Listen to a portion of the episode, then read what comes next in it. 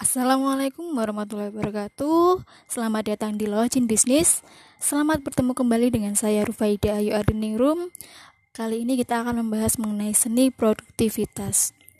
Sebelumnya saya bertanya pada grup reseller uh, Banyak yang mengeluhkan Mbak, gimana sih uh, caranya bagi waktu?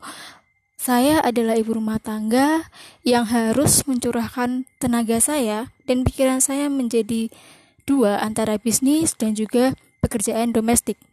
Ya, saya juga mengalaminya.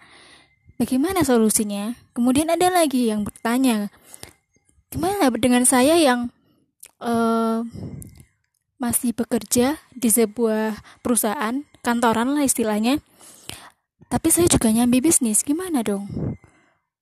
Beda lagi dengan yang satunya, saya full time full time freelancer, internet marketer, tapi saya ngerasa bahwa uh, kok hidup saya nggak teratur ya?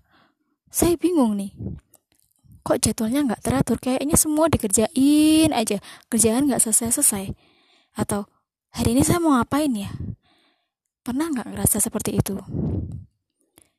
Jadi uh, podcast kali ini akan dibagi menjadi tiga bagian. Uh, yang pertama bab satu kita akan membahas mengenai apa sih masalah yang kita hadapi? Kemudian Bab kedua kita akan membahas mengenai apa saja langkah-langkah. Yang ketiga adalah tentang sebuah komitmen.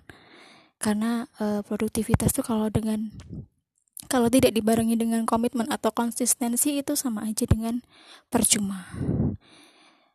Begitu, semoga e, podcast kali ini bermanfaat. Selamat mendengarkan.